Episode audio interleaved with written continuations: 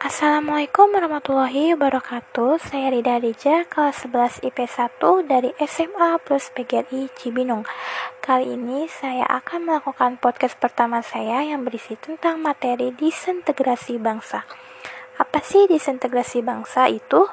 Disintegrasi bangsa adalah sebuah keadaan di mana tidak bersatu padu dan menghilangnya keutuhan atau persatuan suatu bangsa yang akan menyebabkan perpecahan. Oleh kata lain, disintegrasi bangsa akan menjadi penyebab rusaknya persatuan dan kesatuan dalam masyarakat. Di sini ada faktor penyebab disintegrasi bangsa.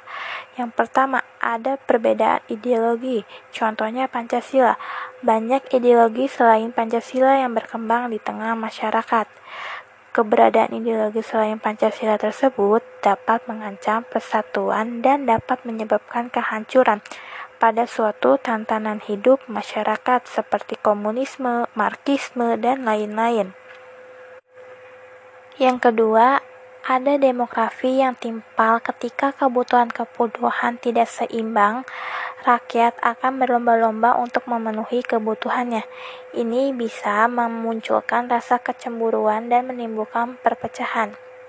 Yang ketiga, ada iklim politik yang kurang sehat ini juga menjadi salah satu pemicu yang bisa menyebabkan terjadinya perpecahan akan ada oknum yang mempermainkan politik untuk kepentingan sendiri. Hasilnya ya banyak terjadi demonstrasi dan perpecahan di tengah masyarakat ketika membahas masalah politik ini. Yang keempat, ada menurunnya tingkat toleransi di tengah masyarakat. Contohnya, kita tidak boleh membedakan sikap terhadap orang lain hanya karena suku, ras, agama, kondisi ekonomi, kondisi fisik, tingkat pendidikan, ataupun hal-hal lainnya. Namun nyatanya saat ini toleransi di masyarakat semakin berkurang. Lalu di sini ada tiga contoh dari disintegrasi bangsa yang pertama ada demonstrasi 98 pada saat itu pemerintah Orde Baru diberontak oleh semua lapisan masyarakat Indonesia.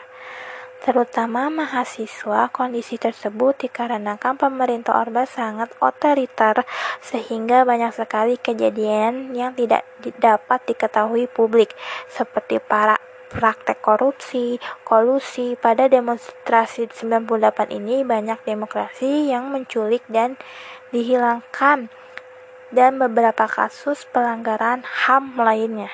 Yang kedua, ada peperangan antar agama di Papua, kurangnya rasa toleransi yang dimiliki oleh penduduk Papua.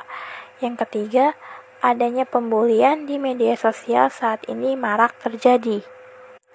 Sekian dari podcast yang saya dapat sampaikan. Semoga materi ini dapat bermanfaat buat pendengar.